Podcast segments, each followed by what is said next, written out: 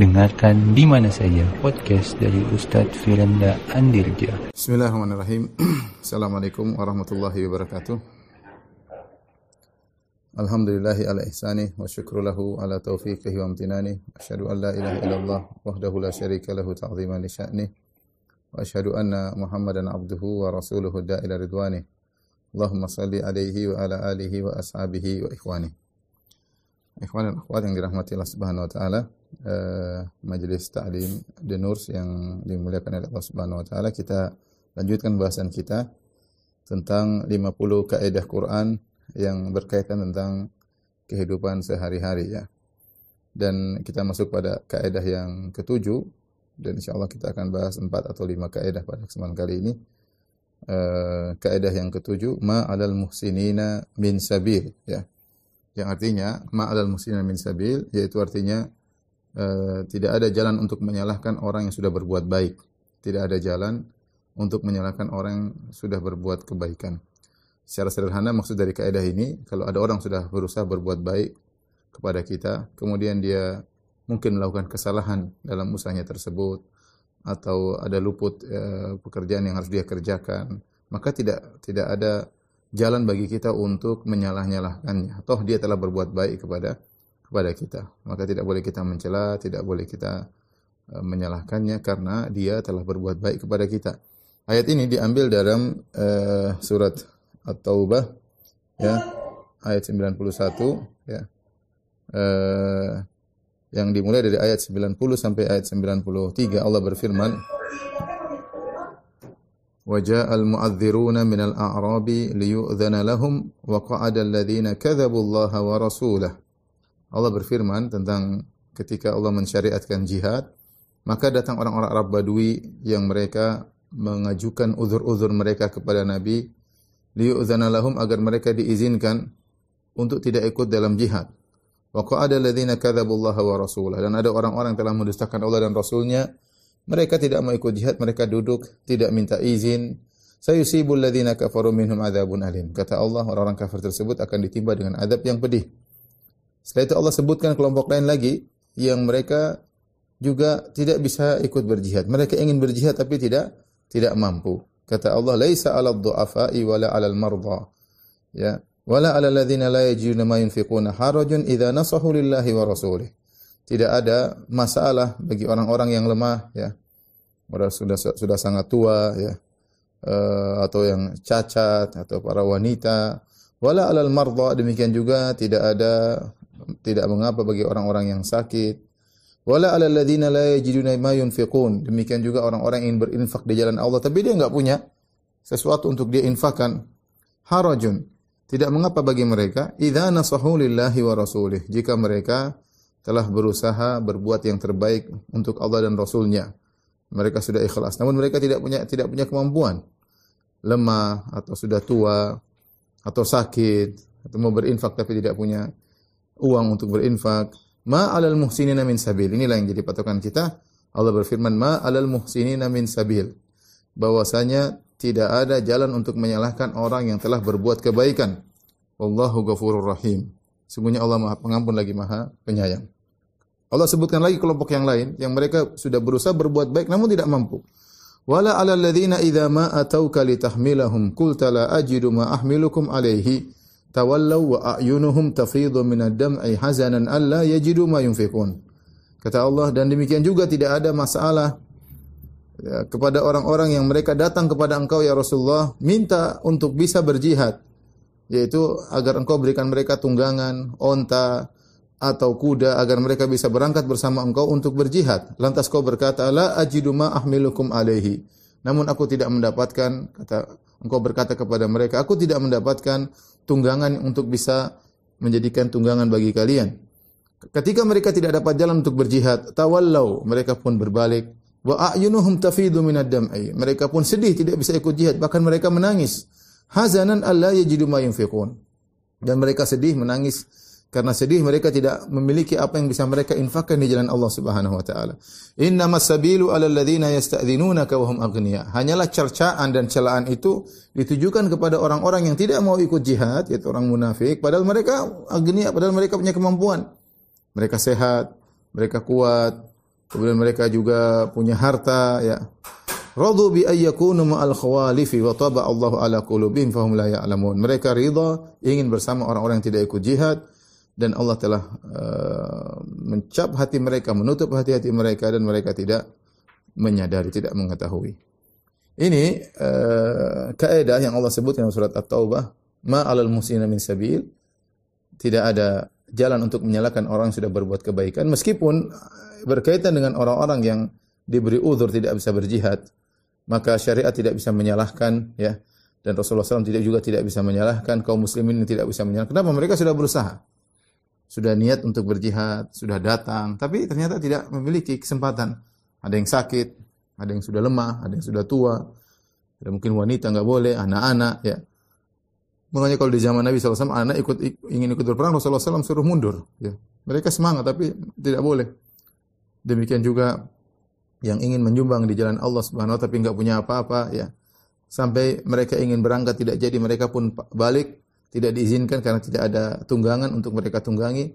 Hazanan tawallaw wa ayunuhum tafidhu minad dam' Mereka balik dalam kondisi mereka menangis. Mereka sedih karena tidak bisa ikut. Ini kaidah ma alal muslim ma alal muslimina min sabil tidak ada cercaan, tidak ada jalan untuk menyalahkan orang yang sudah berbuat baik.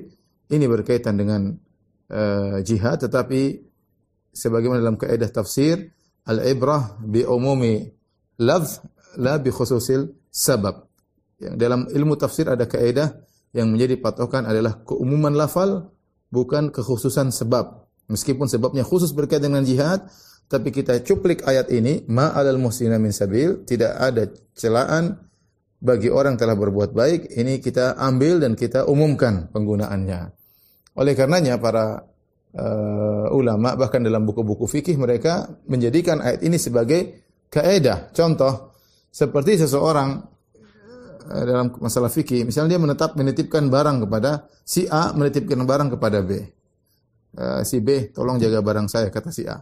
Kemudian si B sudah berusaha menjaga dengan sebaik-baiknya ya sebagaimana dia menjaga barangnya, tapi ternyata qadarullah barang tersebut mungkin jatuh atau barang tersebut ternyata dirampok orang atau barang tersebut ternyata rusak di tengah jalan ya. Maka si A tidak boleh tidak boleh menuntut kepada si B. Kenapa si B sudah baik? Ma alal muhsina min sabil. Dia sudah baik menolong kamu, ya. Dia sudah berusaha menjaga barangmu ya. Kecuali kalau dia memang buang barang tersebut atau dia lalai ya itu lain cerita. Tapi dia sudah berusaha menjaga barangmu kemudian dia di kemudian terjadi apa yang terjadi maka tidak berhak bagi si A untuk menuntut si B. Kenapa? Kaidahnya ma alal muhsinina min sabil. Tidak ada celah untuk mencela orang yang sudah berbuat berbuat baik ya ini uh, contoh dalam penggunaan dalam uh, masalah fikih misalnya. Ya. Ya, misalnya ada seorang datang kepada orang lain kemudian dia pinjam minta pinjam minta pinjaman uang misalnya. Dia bilang, "Ya akhi, saya lagi butuh, saya ingin pinjam uang kamu uh, eh, 100 juta." Kemudian yang dipinjami si B mengatakan, "Wahai A, saya cuma bisa beri kamu 5 juta." Ya. Ya kalau kamu ambil kalau enggak enggak. Maka si A kalau ambil 5 juta, jangan kemudian dia di belakang dia mencela-cela ah, si B ini pelit apa segala. Enggak boleh. Ini si B sudah berbuat baik, tidak wajib bagi dia untuk beri utang kepadamu. Ketika dia membantumu dengan memberi uang 5 juta, tidak sesuai dengan harapan 100 juta, tidak ada jalan bagimu untuk mencela si B. Karena si B telah berbuat baik. Ya, ma 'alal muhsinina min sabil. Tidak ada jalan untuk mencela orang yang telah berusaha berbuat uh, kebaikan. Nah, demikian juga kita kita bisa terapkan dalam kehidupan kita sehari-hari ya. Contoh, kita dalam kehidupan saya di rumah tangga kita, kita sama istri sama anak-anak ya. Misalnya istri dia lagi bangun kemudian uh, uh, di, di waktu sebelum subuh misalnya kita bilang sayang saya mau sahur, maka istri kita bangun kemudian dia masak jam 3 dia siapkan makanan semua, kemudian dia hidangkan. Ketika kita makan keasinan. Ya, ya sudah kita jangan ngomel-ngomel, jangan marah-marah. Ya kita mungkin bila kalaupun tegur dengan cara yang baik, sayang keasinan ya. Kenapa dia sudah berusaha bangun? Tidak wajib bagi dia untuk bangun jam 3 untuk menyiapkan kita sahur. Ya, kita bisa aja beli di luar. Kenapa harus istri sudah berusaha? Mungkin dia bangun ngantuk-ngantuk, dia masak, numpain garam kebanyakan misalnya. Maka tidak ada alasan bagi kita untuk mencela istri kita. Ma alal musinina min sabil. Dia sudah berusaha untuk berbuat baik, maka yang ada kalau dia salah kita bisa beri nasihat dengan uh, sebaik-baiknya. Hmm. Sebaik-baiknya. Ini contoh dalam uh, kehidupan uh, rumah tangga. Misalnya uh, kita punya anak, contoh sederhana, kita punya anak, anak kita dia sudah berusaha, kita suruh dia menghafal Quran, kita suruh dia belajar, dia sudah berusaha, kita dia berusaha. Atau dia waktu belajar baik-baik, ketika ujian ternyata nilainya rendah, ya. Bukan bukan alasan bagi kita untuk mencela anak kita. Oh, dia sudah berusaha. Lebih daripada yang biasanya dia berusaha, dia belajar, murojaah, mengulang-ulang ternyata tidak berhasil, sudah kemampuannya segitu, tidak benar bagi kita kemudian menyalah-nyalahkan anak kita wong dia sudah berbuat sebaik-baiknya ma alal muhsinina min sabil ya. Eh, demikian juga misalnya uh, ada seorang ya misalnya uh, berusaha untuk berdakwah ya kemudian orang-orang tidak ada yang bantu dia untuk berdakwah. Kemudian dia akhirnya khutbah Jumat ya. Tidak ada khotib yang naik misalnya dalam suatu kondisi dia khutbah Jumat tidak ada yang mau jadi khotib dan ini terjadi kadang-kadang. Khotib nggak ada yang datang. Nggak ada yang berani maju. Akhirnya dia maju dia khotib mungkin dia ada salah-salah mungkin ada salah penyampaian. Ya bukan saatnya kita menjelaskan kamu nih khotib nggak benar loh nggak ada yang maju. Ma'alal muhsinina min sabil dia sudah berusaha, dia sudah berbuat baik. Kalau dia salah, ya bukan saatnya untuk mencela dia. Kalau ada kesalahan, tegur dengan cara yang baik. Bukan dengan celaan. Wong dia sudah berbuat baik. Kalau dia nggak maju, nggak jadi sholat Jumat. Nggak jadi sholat Jumat. Ini contoh sederhana maksud saya. Kalau kita tahu seorang sudah berusaha berbuat baik, ya maka uh, bukan saatnya kita mencela mencela dia. Sama seperti kita, misalnya kita punya supir. Dia bekerja dengan tulus, berusaha bekerja dengan baik. Kemudian ternyata kita suruh dia waktu yang berlebihan Ternyata di malam hari dia nggak sengaja dia senggol atau serempet mobilnya atau lecet ya. Kita bilang ma'alal musina min sabil. Dia berusaha. Saya tahu dia nyupir baik kok. Dia berusaha. Itu qadarullah mau diapain? Bukan kita maki-maki dia celah-celah dia. Kecuali kalau dia memang malas. Saatnya kita mencela. Kita udah gaji tapi dia sudah bekerja lebih daripada yang seharusnya misalnya dan dia sudah berusaha semaksimal mungkin. Dan kita tahu dia berusaha berbuat baik. Maka kita katakan ma alal muhsinina min sabil. Tidak ada jalan bagi kita untuk berbuat menyalahkan orang yang berbuat baik. Ya. Demikian juga dalam kehidupan kita kakak beradik. Ya. Misalnya kakak kita sudah berusaha membantu kita. Dia hanya bisa menyediakan, misalnya adik-adiknya miskin. Kemudian kakaknya menyediakan rumah untuk adik-adiknya, tetapi rumahnya sederhana misalnya. Uh, mungkin ada kekurangan sana sini ya.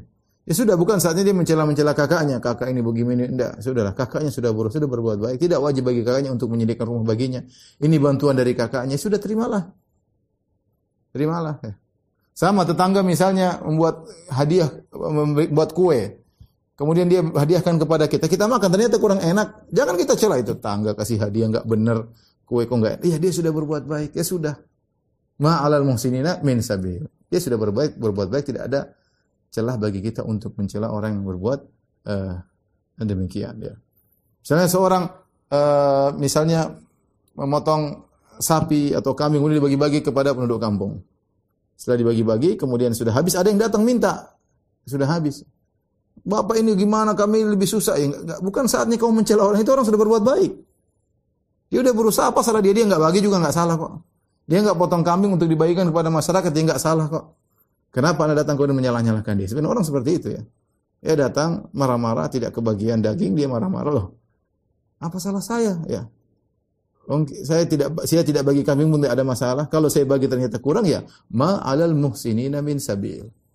Ma alal muhsinina min sabil. Tidak ada celah bagi uh, uh, seorang sudah berbuat baik untuk di dicela. Dan ini kita terapkan dalam kehidupan kita sehari-hari. Ya. Kita bersikap kepada atasan kita, kita bersikap kepada bawahan kita. Kita kan bisa tahu orang ini sudah berusaha atau tidak. Kita bersikap kepada anak istri kita, kepada rekan kerja kita. Kita tahu, kita atasan kita tahu ini sudah berusaha kok. Cuma dia qadarullah lagi enggak mampu ya. Kalau dia dia sudah berusaha ya sudah ma alal musina min sabil. Tidak ada uh, jalan untuk mencela orang yang sudah berbuat berusaha dengan sebaik-baiknya. Ini kaidah penting ikhwan dan akhwat yang dirahmati Allah Subhanahu wa taala agar kita menghargai orang yang berbuat kebaikan. Ada orang berbuat kebaikan maka dia sempurnakan kebaikannya. Ada yang berbuat kebaikan kebaikannya kurang tidak sempurna. Ketika kita mendapati ada kebaikan yang kurang sempurna, maka tidak perlu kita celah. Justru kalau kita setiap orang berbuat baik tidak sempurna kita celah, maka banyak orang akhirnya meninggalkan kebaikan. Justru kita bisa bantu, kita bantu kalau ada orang berusaha berbuat baik, ada kekurangannya, maka kita berusaha untuk uh, membantu. Demikian dalam segala hal. Dalam kehidupan uh, perkampungan, kita lihat RT kita misalnya. RT kita udah baik berusaha. Kita pilih, kita yang pilih dia jadi RT, kita angkat dia jadi RT. Kemudian sudah berusaha. Dia sudah berusaha sana sini, bahkan mungkin gajinya tidak seberapa dengan usaha yang dia kerjakan. Ternyata dalam sebagian keputusan mungkin kurang bagus. Bukan saja kita mencaci maki. Ya akhirnya sudah berusaha dengan sebaik-baiknya. Bahkan dia lebih, kerja lebih daripada yang seharusnya, tidak sebanding dengan gajinya. Ma alal muhsinina min sabil. Ya. Karena memang manusia, sebagian manusia, memang diciptakan pandai untuk melihat kesalahan-kesalahan.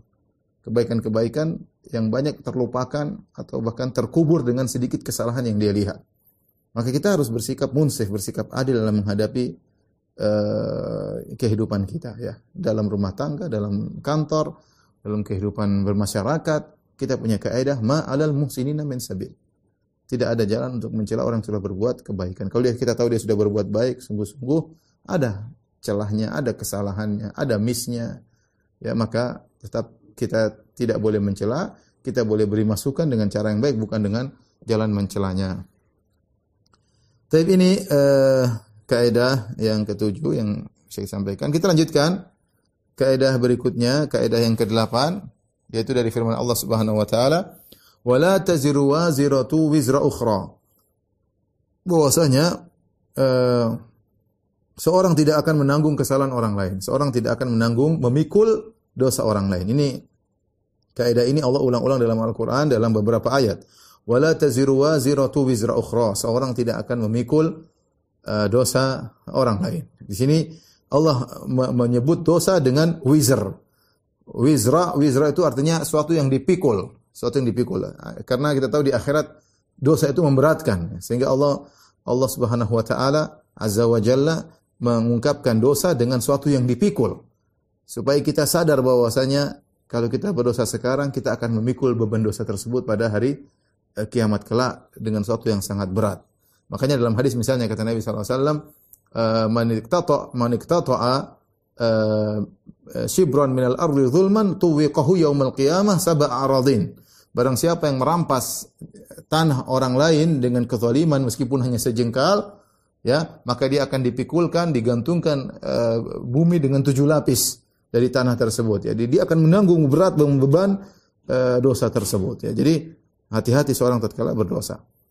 Tetapi Al-Quran adil menjelaskan bahwasanya Seorang tidak boleh menanggung dosa orang lain. Allah tidak akan membebankan seseorang dengan dosa orang lain. Ya.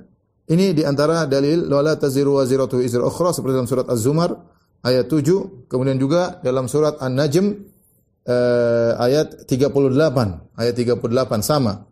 Allah taziru waziratu wizra ukhra. Allah taziru waziratu wizra ukhra ya. Dalam beberapa ayat Allah sebutkan ya. Ya, bahwasanya seorang tidak akan menanggung uh, dosa uh, yang lainnya ya.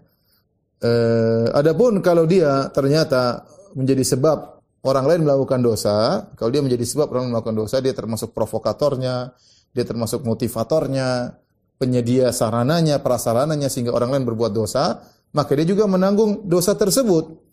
Ya, dia juga menanggung dosa tersebut. Kenapa? Karena ya karena uh, dia termasuk punya andil dalam dosa tersebut, ya. Seperti firman Allah Subhanahu wa taala, "Wala yahmilunna athqalahum wa athqalan ma'a athqalihim." Sungguh mereka akan memikul dosa-dosa mereka dan juga memikul dosa-dosa ya dosa-dosa orang lain yang mereka telah sesatkan. Seperti firman Allah Subhanahu wa taala, "Wa min auzaril ladzina yudhillunahum bighairi ilm." Mereka juga akan menanggung memikul dosa-dosa orang yang telah mereka sesatkan tanpa ilmu. Ya. ya contoh seorang uh, musyrik kemudian dia mengajak orang untuk berbuat kesyirikan yang lain, maka dia menanggung dosa syirik dia dan dia juga menanggung dosa-dosa orang yang telah dia sesatkan. Seorang pelaku maksiat. Kemudian dia mengajarkan maksiat ini kepada orang lain atau dia menyediakan sarana untuk maksiat.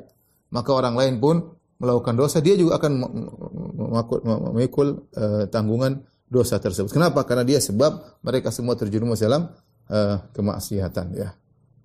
Waliyadzubillah ya. Makanya hati-hati orang-orang yang kemudian Eh, tampil di media, kemudian tampil di televisi atau di film yang mengajarkan kemaksiatan atau mengumbar maksiat, akhirnya banyak orang terjerumus dalam maksiat gara-gara dia maka dia menanggung dosa dia dan dia juga menanggung dosa-dosa orang lain yang terjerumus dalam kemaksiatan gara-gara gara-gara dia ya. Eh tatkala orang-orang sebagian orang-orang kafir eh, tokoh-tokoh gembong-gembong orang musyrikin mereka uh, ingin merayu orang-orang beriman agar kembali berbuat syirik dengan sesumbar bahwasanya mereka akan menanggung dosa-dosa mereka. Itu orang kafir mengatakan orang beriman, kamu kafir aja sama seperti kami. Nanti dosamu kami yang tanggung hari kiamat, jangan khawatir. Kafir aja seperti kami. Kembali lagi kafir. Nanti dosamu kami yang tanggung. Allah sebutkan perkataan mereka. Wa qala alladziina kafaru lil amanu tabi'u sabilana wal nahmil khotayakum. Kata mereka, berkata orang-orang kafir kepada orang beriman, ikutilah jalan kami, wal nahmil khotayakum. Kami akan menanggung dosa-dosa kalian. Wa ma hum bihamilina min khotayahum min syai'. Kata Allah tidak mungkin dia menanggung dia menanggung dosa yang lain kemudian di offer. Enggak, dia berdosa. Orang-orang yang itu juga kafir juga akan berdosa kalau mereka kafir dan dia juga memikul dosa-dosa mereka dan mereka juga memikul dosa-dosa mereka. Masing-masing, ya. Cuma dia lebih parah karena dia menyuruh kepada keburukan. Tapi yang berubah dari iman kepada kufur, dia juga menanggung dosa dia sendiri. Kata Allah, innahum lakadzibun. Mereka tidak akan memikul dosa eh, orang-orang uh, yang murtad semuanya tidak, masing-masing menanggung dosa. Kemudian kata Allah, wal yahmilun wa la yahmilunna athqalahum wa athqalam ma athqalihim. Ini orang-orang kafir ini akan menanggung dosa-dosa mereka, memikul dosa-dosa mereka dan memikul dosa-dosa yang orang mereka yang mereka murtadkan Wala yus'alunna yaumal qiyamati amma kanu yaftarun. Mereka sungguh-sungguh akan ditanya oleh Allah pada hari kiamat tentang dusta yang mereka dustakan. Intinya ini adalah kaidah yang harus kita renungkan dalam kehidupan kita. Jangan kita memikulkan kesalahan kepada orang yang tidak bersalah. Jangan kita memikulkan dosa kepada orang yang tidak berdosa. Ya, al ibrah bi umumil lafzi la bi khususil sabab. Meskipun ayatnya berkaitan tentang hari kiamat, tentang dosa, tetapi kita mengambil keumuman lafal ini. Tidak boleh kita memukulkan kesalahan orang kepada orang yang tidak bersalah.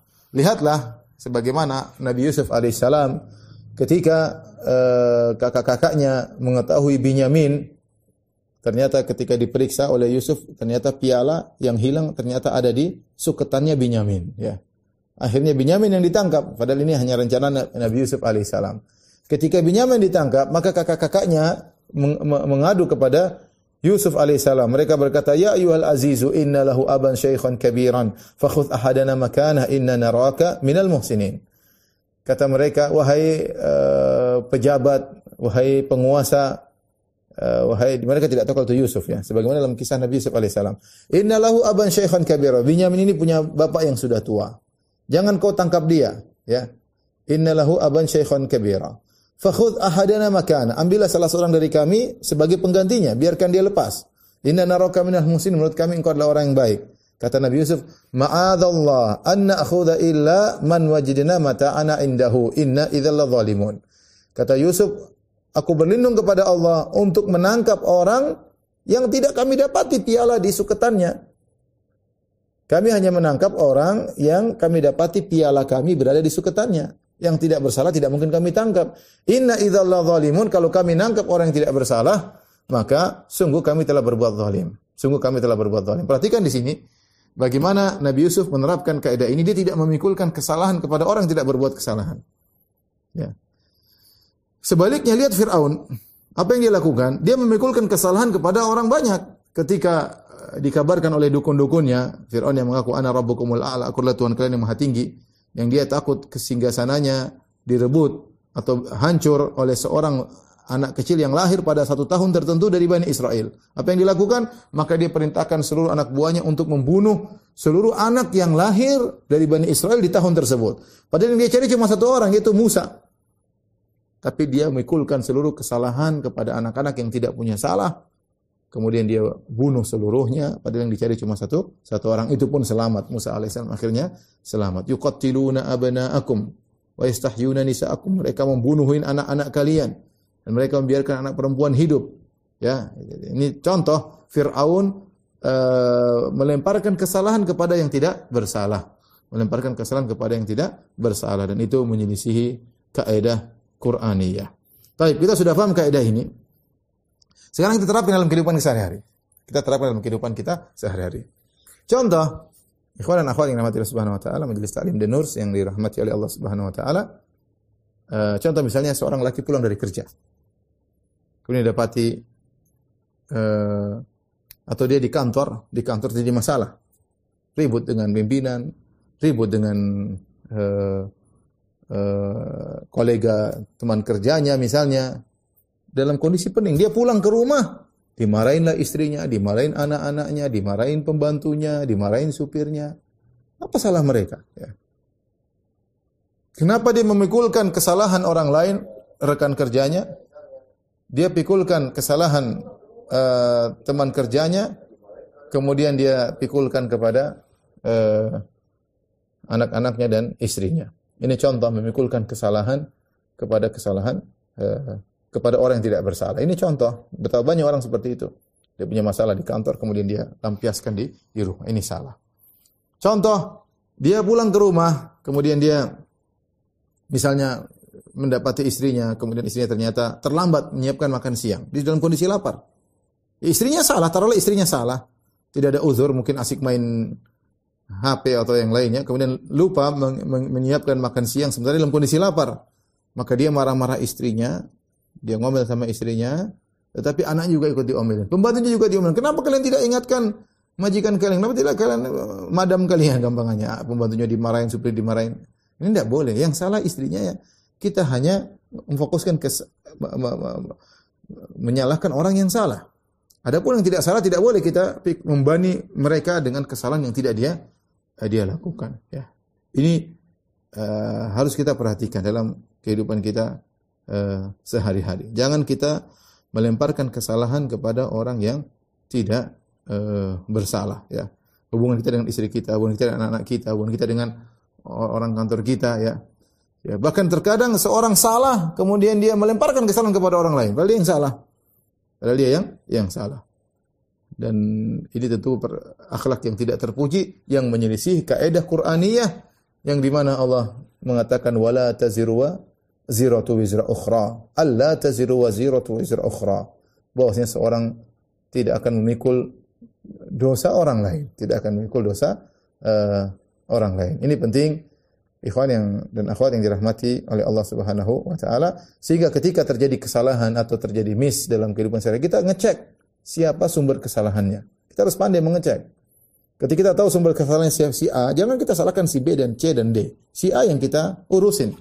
Si A yang kita uh, yang, yang, yang, yang kita sikapi. Ya, jangan kemudian semuanya kita salahkan. Tentu sikap yang tidak adil. Satu salah semuanya di, disalahkan. Satu salah semuanya dipecat misalnya. Ini tidak tidak adil. Ya, tidak adil. Bagaimana kita membebankan kesalahan orang yang kesalahan kepada orang yang tidak bersalah. Dan ini saya katakan tadi umum dalam rumah tangga kita, uh, dalam uh, keluarga kita ya. Kemudian dalam instansi pemerintah misalnya, hati-hati misalnya kita datang ke ke kantor lurah misalnya, ada satu pelayan kemudian mungkin atau satu pegawai yang kemudian melayani kita dengan tidak benar. Maka jangan kemudian kita salahkan seluruhnya. Yang kita salahkan seluruhnya. Yang kita fokus dia salah. Belum tentu jangan seperti itu. Itu yang memang orang kelurahan semuanya nggak benar. Belum tentu ya, akhi. Kita harus eh, adil dalam menghadapi eh, masalah. Jangan kita membebankan kesalahan kepada orang yang tidak salah. Terkadang kita bermasalah dengan misalnya suatu, seorang dari satu suku. Satu suku ini kita orang ini masalah mungkin dia bohongin kita, mungkin dalam kerjaan kemudian dia mengambil harta kita. Kemudian kita salahkan semua suku yang dari suku yang orang semua suku ini orang buruk. Semua yang bersuku ini adalah orang brengsek. Padahal setiap suku tentu kita tahu ada orang yang baik, ada yang buruk. Suku apa pun. Suku apa pun.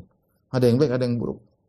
Kemudian gara-gara tiga empat orang berasal dari satu suku, kemudian kita salahkan semua orang yang berasal dari suku tersebut, itu tidak tidak adil dalam uh, bersikap. Tidak adil dalam bersikap. Maka hati-hati ketika terjadi kesalahan, yang penting kita lakukan adalah mengenal sumber kesalahan. Kita fokuskan mana titik kesalahan, kemudian kita menghadapi kesalahan tersebut. Jangan kita umumkan kesalahan kepada banyak orang. Jangan kita pikulkan orang-orang tidak bersalah dengan kesalahan tersebut. Bentuknya tidak adil. Hati-hati ikhwan, saya katakan lagi dalam medsos, hati-hati. Ya. Jangan kemudian kita menyalahkan satu instansi seluruhnya. Hati-hati, jangan ya. ya pernyataan kita akan diminta pertanggungjawaban oleh Allah Subhanahu wa taala. Ya. ya. Ada yang satu dua salah bukan berarti seluruhnya kemudian uh, rusak ya. Satu dari dua orang dari satu kantor salah bukan berarti seluruhnya rusak. Satu dari dua orang dari suatu suku salah bukan berarti semua orang dari suku tersebut kemudian salah ya. Hati-hati ini kaidah yang penting agar kita bisa ada dalam bersikap dalam kehidupan kita sehari-hari. Allah taziru waziratu wizra ukhra. Jangan memikulkan uh, beban kesalahan kepada orang yang tidak bersalah. Taib, kita lanjutkan kaidah berikutnya.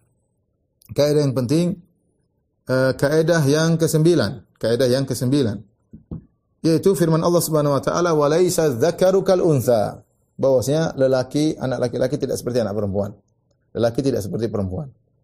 Ini kaidah, kaidah yang kesembilan walaisa dzakaru kal untha bahwasanya laki-laki tidak seperti perempuan. Kaidah ini diambil dari surat surat Ali Imran surat ketiga ayat ke-36.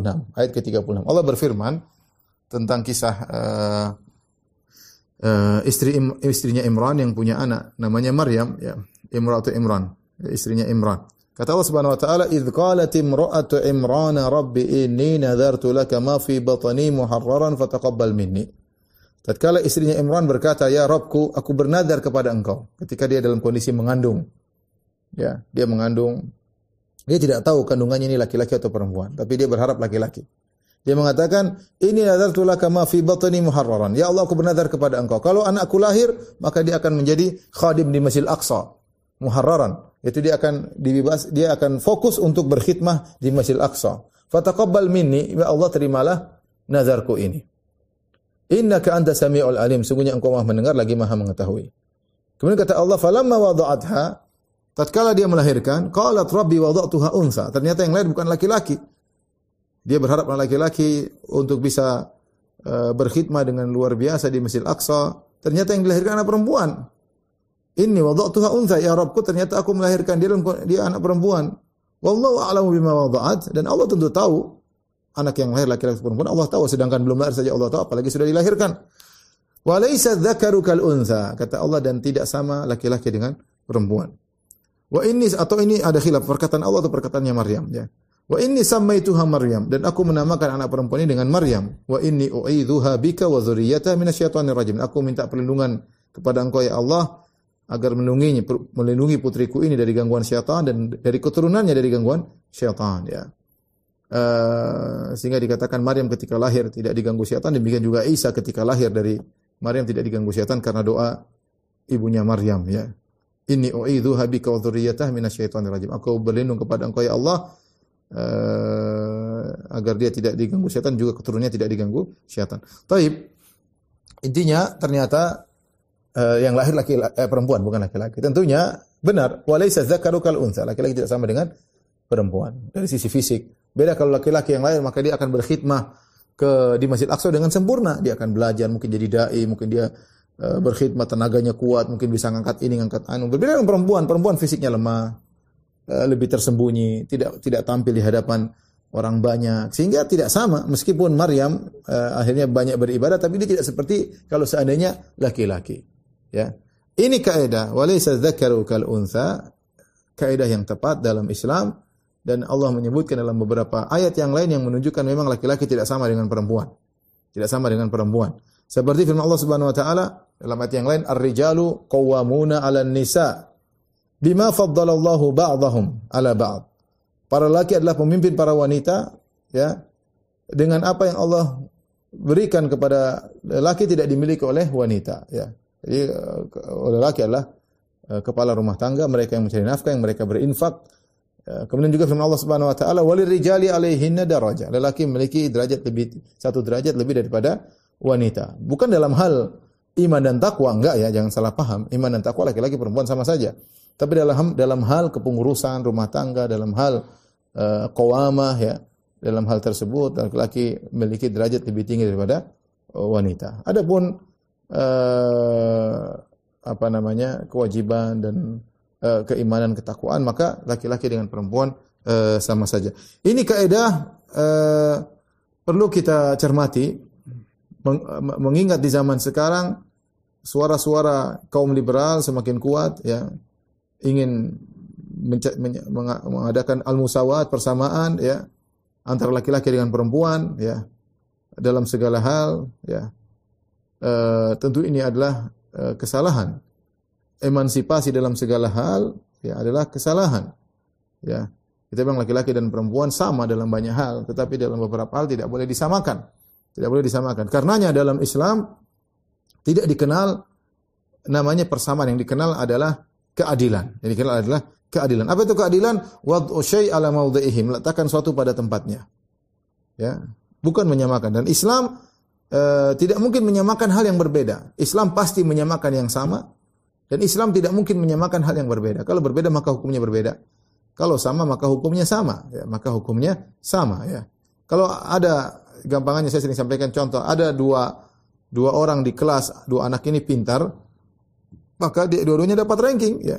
Karena sama sama-sama pintar. Tapi kalau satunya pintar, satunya goblok, bahkan satunya malas belajar, nilainya minus bukan cuma nol, kemudian disama-samakan ranking satu ya. Ini namanya bukan ini namanya kezaliman.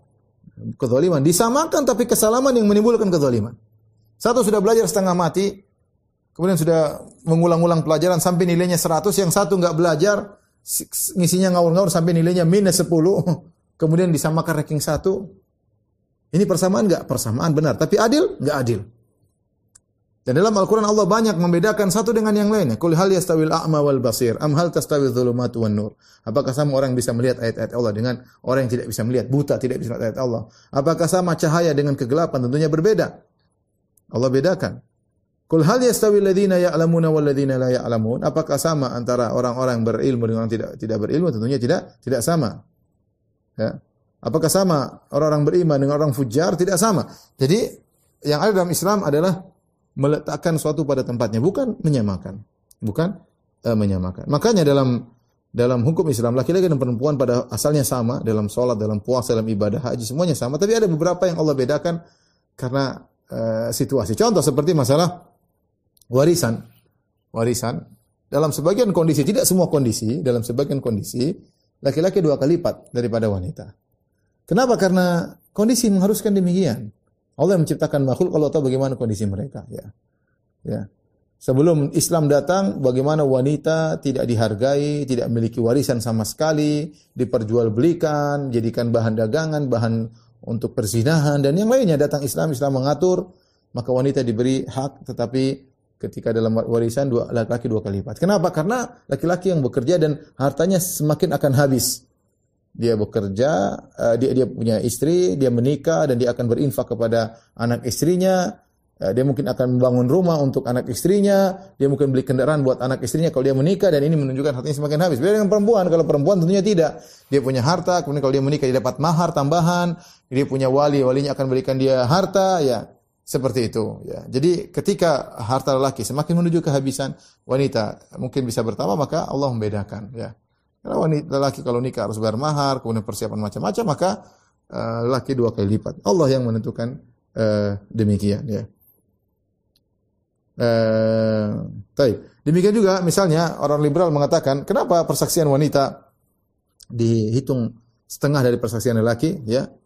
Eh, seperti firman Allah Subhanahu wa taala, "Wastashhidu syahidaini min rijalikum." Beri hadirkanlah dua saksi di antara para lelaki. Fa illam yakuna rajulaini farajulun imra'atani mimman tardawna minasyuhada. Kalau tidak dua laki-laki, tidak apa-apa yang jadi saya satu laki-laki dan dua perempuan. Anta dhilla ihdahuma fatudzakkira ihdahuma al-ukhra. Karena kalau perempuan satunya lupa, satunya bisa mengingatkan. Jadi di sini dua, dua perempuan nilainya sama dengan satu laki-laki dalam persaksian. Kenapa bisa demikian? Kata kata para ulama, ini masalah perdagangan, utang piutang yang biasa menjalani laki-laki, bukan perempuan. Bukan perempuan, sehingga mereka persaksian mereka terkadang tidak jitu, tidak jeli. Tapi dalam persaksian lain, wanita diterima. Kalau itu berkaitan dengan bidang mereka, contoh persaksian dalam masalah susuan. Kalau dia bersaksi, saya telah menyusui, diterima meskipun satu orang. Contohnya juga misal dalam persaksian masalah haid wanita sudah haid, masa idahnya sudah habis, dia terima karena ini bidang-bidang dia, bidang wanita. Satu orang terima persaksiannya. Demikian juga masalah hilal, misalnya hilal masuk. Ya, ini juga wanita diterima, tapi kalau masalah perdagangan Allah bedakan ya. Allah bedakan saksi satu laki-laki seperti dua wanita. Ini semua kembali kepada hikmah yang Allah kehendaki. Ya, tapi saya katakan hukum asalnya laki-laki sama dengan perempuan. Taib, ini uh, kaidah yang penting dalam kehidupan kita sehari-hari terutama bagi ibu-ibu agar menyadari bahwasanya Allah memasang kaidah walaisa dzakaru kal untha laki-laki tidak sama dengan uh, perempuan. Lihat apa yang terjadi ketika kaidah ini dibuang. di negara-negara kafir, perempuan disuruh kerja keluar rumah seperti laki-laki, disikapi sama terkadang mereka kerja kerjaan yang berat dan mereka ada yang supir ini supir anu kasihan ya di antara mereka mungkin ada yang uh, kerja misalnya mengangkut sampah dan yang lainnya seperti laki-laki ya Ya. Saya rasa mereka tidak akan bisa menerapkan persis laki-laki sama perempuan. Pasti mereka akan ada pembedaan. Tapi mereka ingin berusaha menyamakan, tapi pasti ada pembedaan. Karena perempuan bagaimana perempuan? Dia dengan kelembutannya dibutuhkan untuk pekerjaan yang pas buat dia. Ya dia di rumah mengurusi anak itu tidak mungkin laki-laki bisa mengerjakannya. Kelembutannya, uh, sikap perasanya, ya, uh, sikap bapernya itu dibutuhkan dalam dalam kehidupan rumah tangga. Sikap manjanya disenangi laki-laki, disenangi laki-laki ya. Ini yang dibutuhkan. Jadi keadilan menempatkan perempuan pada tempatnya. Ketika kaidah ini dibuang, alaisa dzakaru kal unsa laki-laki sama dengan, tidak sama dengan perempuan, dibuang, disamakan laki-laki sama perempuan dalam segala hal, maka ini terjadi kerusakan. Akhirnya seorang wanita yang nekat untuk menyamakan dirinya dengan laki-laki, ya bisa menyamakan dirinya dengan ingin menyamakan dirinya dengan laki-laki, maka akhirnya dia akan mengorbankan sikap kewanitaannya. Ya, berarti dia buang sifat wanitanya. Dia akan mengorbankan kelembutannya. Ya. Dia akan mengorbankannya rumah tangganya terkadang. Dia akan mengorbankan anak-anaknya terkadang. Ya, harus keluar, harus ber, uh, bertarung dalam pekerjaan yang berat. Ini anaknya terbengkalai, kemudian terbengkalai seperti itu. Ini kenyataan pahit yang yang kita lihat. Yang seharusnya perempuan terhormat di rumah, suaminya yang kerja, dia di rumah jadi ratu di rumah, di rumahnya. Terkadang dia harus membantu pekerjaan rumahnya. Di situlah kebahagiaan dia. Itulah kebahagiaan dia, bahagia dengan anak-anaknya, bahagia dengan suaminya, bahagia dengan mengurus sifat wanitanya, mengurus rumahnya. Seperti itu wanita seharusnya. Islam membuat kaidah berdasarkan fisik wanita dan bagaimana perasaan wanita. Kalau mau disamakan antara perempuan laki-laki ini kezaliman. Ini adalah kezaliman. Oleh karenanya banyak dari antara mereka orang orang-orang non muslim yang mengakui akan pentingnya kaidah ini ya. Ya mereka mengakui setelah mereka berusaha menjadi seperti laki-laki akhirnya apa yang dikorbankan rumah tangga mereka jadi korban ya. Rumah tangga menjadi, mereka jadi jadi korban. Coba ada seorang laki-laki disebutkan dalam sebagian kisah seorang laki-laki yang dia selalu menyuruhkan persamaan-persamaan laki-laki dan perempuan. Dia nikah dengan perempuan yang juga selalu menyerukan persamaan. Coba setelah mereka nikah apa yang terjadi? Dua bulan cerai. Kenapa dia selama ini menyuruh persamaan laki-laki dan perempuan? Sang istrinya juga selama ini menyuruh persamaan. Ketika terjadi pernikahan, buyar. Nah, gimana? Siapa yang jadi rumah kepala rumah tangga? Siapa yang harus kerja? Tidak bingung bagi tugas karena kalau mau dianggap sama semua. Siapa yang membentak, siapa dibentak, siapa yang menyuruh, siapa yang disuruh. Ya. Siapa yang ngurus anak, siapa repot. Ya, kalau semua harus disamakan. Oleh karenanya jangan terpedaya dengan propaganda orang-orang kafir yang ingin merendahkan wanita. Sesungguhnya persamaan antara laki-laki dan wanita hanyalah merendahkan wanita, merendahkan wanita. Makanya ibu-ibu kalau anti ingin antuna ingin bahagia, terapkan kaidah ini. Antuna harus meletakkan posisi antuna. Antuna sebagai istri yang soleha, yang uh, suami yang memiliki kewama. Kalau ada suami memiliki kekurangan kesalahan maka kasih masukan bukan sebaliknya istri yang menguasai rumah tangga dan artinya tidak menjalankan yang seharusnya dikerjakan, akhirnya rumah tangga tidak bahagia dan lain-lainnya ya. Maka uh, ini kaidah yang sangat agung walaysa dzakaru kal unsa bahwasanya uh, seorang laki-laki tidak sama dengan seorang wanita. Taib uh, kaidah berikutnya ini mungkin kaidah terakhir yang kita sampaikan sebelum kita buka tanya jawab. Firman Allah Subhanahu wa taala, "Wa la man yansuruh." Ya. Sungguh benar-benar Allah akan menolong orang yang menolong Allah Subhanahu wa taala. Ya, dalam ayat yang intan surullah yansurkum. Jika kalian menolong Allah, Allah akan menolong kalian. Ya. Wa la yansurannallahu man yansuruh. Sungguh Allah akan menolong orang yang menolongnya. Dalam surat Al-Hajj ayat 40, ya. Ini kaidah, siapa yang menolong Allah, Allah akan menolongnya. Ya, terdapat dalam Eh, Al-Quran dalam surat Al-Hajj 40-41 saya bacakan firmannya. Firman Allah Subhanahu Wa Taala Azza wa Jal. Wa la yansurannallahu man yansuruh. Dan sungguh Allah akan menolong orang-orang menolong, menolongnya. Inna Allah laqawiyyun aziz. Sungguhnya Allah maha kuasa lagi maha perkasa. Alladzina immakkannahum fil ardi aqamus salat. Yaitu orang-orang jika kami berikan mereka kekuasaan di atas muka bumi aqamus salat. Mereka akan menegakkan salat. Wa atau zakat dan mereka bayar zakat. Wa amaru bil ma'ruf dan mereka menyuruh kepada kema'rufan.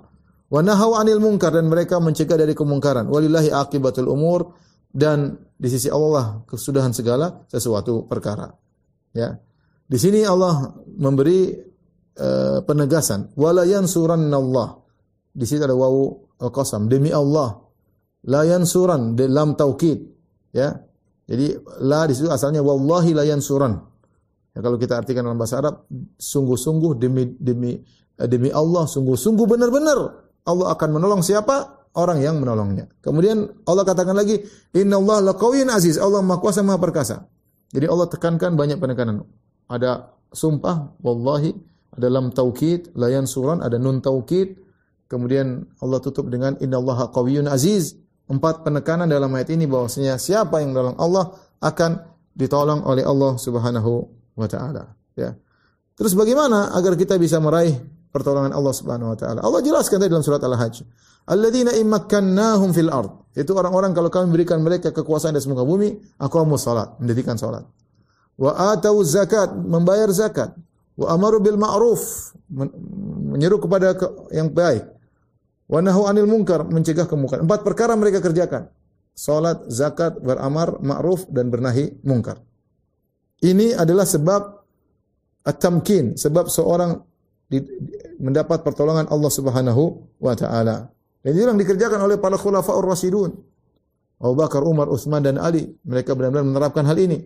Mereka mendirikan salat, mereka membayar zakat. Makanya lihat bagaimana Abu Bakar As-Siddiq ketika ada sebagian orang tidak membayar zakat, Abu Bakar memerangi mereka. Ya, aku akan perangi mereka orang yang tidak membayar zakat di zaman Nabi mereka bayar, sekarang tidak bayar, aku akan perangi mereka. Ya. Kemudian salat mereka tegakkan dan mereka beramar ma'ruf dan mereka bernahi uh, bernahi mungkar. Maka Allah berikan mereka uh, pertolongan. Jadi uh, dan sebaliknya jika mereka meninggalkan perintah Allah, maka mereka akan mengalami kekalahan. Pertolongan tidak akan datang. Seperti kita contoh yang Allah berikan dalam surat Ali Imran dan juga tentang kisah perang Uhud.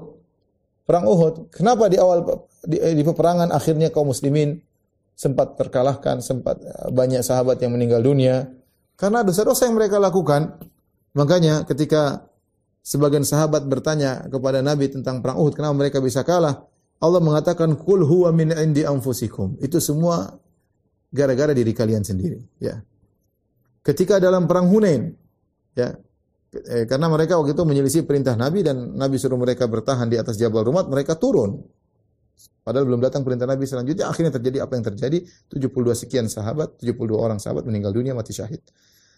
Demikian juga apa yang dialami oleh kaum muslimin dalam perang Hunain. Dalam perang Hunain, eh, ketika kaum muslimin datang dengan jumlah pasukan 12 ribu, banyak sekali. Untuk melawan kabilah Hawazin, ya, eh, di Hunain yang jumlahnya mungkin lebih sedikit. Ya, maka sebagian mereka mengatakan lan nuglabal yaumin qillah, kita tidak akan kalah karena jumlah sedikit. Kenapa? Biasanya jumlah kita sedikit kita menang. Dalam perang Badar kita menang. Dalam perang Khandaq musuh kabur ya. Dalam perang Khaybar kita menang ya. Apalagi sekarang jumlah kita banyak 12 ribu. Mungkin lebih banyak pada musuh. Ketika ada seorang berkata lan nuglabal yaumin qillah, kita tidak akan kalah gara-gara hanya dari sisi karena jumlah kita sedikit tidak bakalan kalah karena jumlah kita banyak, maka Nabi SAW merasa berat. Fasyakwa dzalika ala Nabi SAW. Nabi berat mendengar perkataan tersebut. Akhirnya di awal peperangan para sahabat kalah. Allah Subhanahu wa taala berfirman, "Laqad nasarakumullahu fi mawatin katsira." Sungguh Allah telah menolong kalian dalam banyak tempat-tempat pertempuran. Wa yauma Hunainin, tapi ketika dalam perang Hunain, id a'jabatkum kasratukum, kalian kagum, takjub dengan jumlah kalian yang banyak, 12 ribu orang. Falam tughni ankum syai'a. Ternyata jumlah yang banyak tersebut tidak bisa menolong kalian sama sekali. Wa dhaqat 'alaikumul ardu bima rahubat. Bahkan bumi yang luas terasa sempit bagi kalian. Tsumma wallaitum mudbirin. Kemudian kalian mundur. Di awal perang Hunain ketika Nabi SAW maju kemudian tiba-tiba mereka terjebak di sebuah lembah kabilah Hawazin dari atas memberi serangan, panahan. Akhirnya banyak sahabat yang kabur. Nabi SAW ya maju. Nabi tetap maju. Nabi mengatakan, Ana bin Abdul Muttalib, Ana nabiyun la kadhib, Ana bin Abdul Muttalib, aku adalah nabi dan aku bukan pendusta. Dan aku adalah putranya Ibnu Abdul Muttalib. Maka Nabi pun maju. Ya. Tapi kebanyakan sahabat mundur ketika itu. Kesalahannya kenapa? Karena ujub, dosa. Merasa ujub dengan jumlah yang uh, yang banyak. Ya. Kemudian juga uh, Allah Subhanahu wa taala berfirman, misalnya dalam peperangan kata Allah Subhanahu wa taala, "Wa Allah wa rasulahu wala tanaza'u. Kalau ingin menang kata Allah, taatlah kepada Allah dan Rasulnya. Dalam perang Badar Allah ingatkan, wa atiullaha wa rasulahu. taatlah kepada rasulnya. Wala tanaza'u, janganlah kalian bertikai, fatafshalu wa tadhhabu rihukum. Kalian akan kalah lemah dan akan hilang kekuatan kalian. Wasbiru, bersabarlah. Innallaha ma'asabirin. Sungguhnya Allah bersama orang yang sabar. Kemudian Allah ingatkan sebab ke kekalahan selain bertikai ya di antaranya wala takunu kalladzina kharaju min diyarihim batara wa ria'an nas. Janganlah kalian seperti orang yang keluar dari rumah mereka dalam kondisi sombong, ria. Jangan. Kalau mau perang jangan ria, jangan sombong. Ya. Ini sebab-sebab kesalahan. Oleh karenanya, mungkin kita bertanya, ya, kenapa Allah tidak menolong kita dalam kondisi kondisi sekarang? Jawabannya mudah, kita jauh dari Allah Subhanahu wa taala. Sekarang ini kalau kita bicara tentang pertolongan, kemenangan, kebanyakan orang berbicara apalagi orang-orang uh, yang pakar-pakar, kemudian uh, pemimpin-pemimpin, terkadang mereka bicara tentang murni duniawi. Murni duniawi.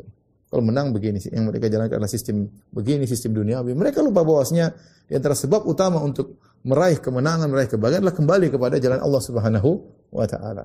Kembali kepada jalan Allah Subhanahu wa taala. Ya, bagaimana kita mengharapkan kemenangan seperti contoh ada sebagian uh, pernah terjadi misalnya di uh, sebagian kelompok ya, kemudian mereka meraih kemenangan dalam suatu negara, kemudian dia berkata, kita tidak ingin mendirikan negara Islam, kita ingin mendirikan negara uh, apa namanya sekuler. Dengan jelas-jelas mengatakan demikian. Ya gimana Allah Subhanahu wa taala memberi kemenangan ya. Karena kita menjadikan patokan kemenangan kita dengan sebab-sebab duniawi. Benar sebab duniawi bukan kita remehkan. Kita harus berusaha sebab dunia tapi yang paling utama adalah sebab ukhrawi. Ya. Tadi Al-Qur'an sudah menjelaskan ya, kalau ingin dapat pertolongan Allah Subhanahu wa taala kuatkan iman kepada Allah. Jalankan ketaatan kepada Allah. Jangan melanggar perintah Nabi SAW. Jangan perintah, melanggar perintah Allah Subhanahu Wa Taala. Disertai dengan sebab-sebab duniawi seperti kata Allah Subhanahu Wa Taala, "Idullahu mastata'tum min quwwah wa min ribatil khail." Kata Allah, siapkanlah kekuatan kalian yang terbaik seperti jago panah di zaman Nabi SAW. Wa min ribatil khail, siapkan kuda-kuda kalian. Nabi menyuruh untuk menyiapkan senjata terbaik di zaman itu adalah panahan dan kendaraan terbaik zaman itu adalah kuda. Ala fa innal quwwata ramyu. Kata Nabi SAW ketahuilah bahwasanya kekuatan yang paling canggih di zaman itu adalah memanah. Ya, tapi itu sebab. Jadi ada dua sebab, sebab dun, di, sebab agama, sebab duniawi. Sebab dini, sebab duniawi. Dua-duanya saya perhatikan. Ya. Eh, jadi masalah kalau kita hanya fokus kepada sebab duniawi, lupa dengan sebab agama, ya, sehingga akhirnya keterpurukan ya, e, menimpa e, menimpa kita. Oleh karenanya, kalau kita ingin mendapatkan pertolongan dari Allah Subhanahu wa taala empat sebab tadi, jangan lupa. Ya kamu salat, dirikan salat, kita zakat, bayar zakat, beramar ma'ruf nahi mungkar, dakwah, menyampaikan, menegur. Ya, ini harus kita tegakkan dalam kehidupan kehidupan kita. Kalau kita eh, mungkin berat Ustaz saya ini siapa? Ya udah tegakkan dalam rumah tangga kita. Anak-anak kita tegur. Jangan biarkan anak-anak salah tegur dengan cara yang baik. Ingatkan mereka salat. Wa'mur ahlaka bis salat. Kita tidak bisa nyuruh tetangga salat, anak kita kita salat. Tidak bisa nyuruh orang jauh sholat, suruh istri kita untuk apa? Sholat. Ya, anak-anak suruh baca Quran. Kita sendiri demikian. Bukan seperti sekarang. Masing-masing kita sibuk dengan duniawi, masing nonton ini, nonton anu, main game ini, main game anu, kemudian lihat berita-berita yang enggak benar, kemudian Alhamdulillah sibuk dengan sebagian kita tersibukkan dengan riba, sebagian tersibuk dengan aib-aib orang, sebagian kita sibuknya mencela sana, mencela sini. Uh, janganlah kita rubah pola hidup kita. Ya, kalau tidak kita mulai siapa lagi yang mulai? Kita dari rumah mulai kita sebarkan kebaikan ya. Ustaz sampai kapan begini? Kita bilang kita tidak tidak dituntut untuk uh, sampai tujuan. Yang penting kita menjalankan. Tujuan hasil serahkan kepada Allah. Apa yang bisa kita lakukan? Jadikan salat, bayar zakat ya. Kemudian beramal mungkar kerjakan ya. Wallahu alam bisawab ya. Semoga dengan kita semuanya berusaha untuk menjalankan syariat Allah dalam lingkungan keluarga kita, kita tularkan kepada tangga kita, kepada kerabat-kerabat kita, mudah-mudahan suatu saat akan datang pertolongan yang luar biasa dari Allah Subhanahu wa taala. Uh, ini saja yang saya sampaikan. Insya Allah kita lanjutkan pada pertemuan berikutnya. Wallahu alam bisawab. Ini saja yang bisa kita sampaikan pada kesempatan uh, kali ini ya. Uh, kurang lebihnya saya mohon maaf. Subhanakallah bihamdik asyhadu an la ilaha anta astaghfiruka Assalamualaikum warahmatullahi wabarakatuh. Ayo, segera download Quran Tadabbur, tafsir dalam genggaman Anda.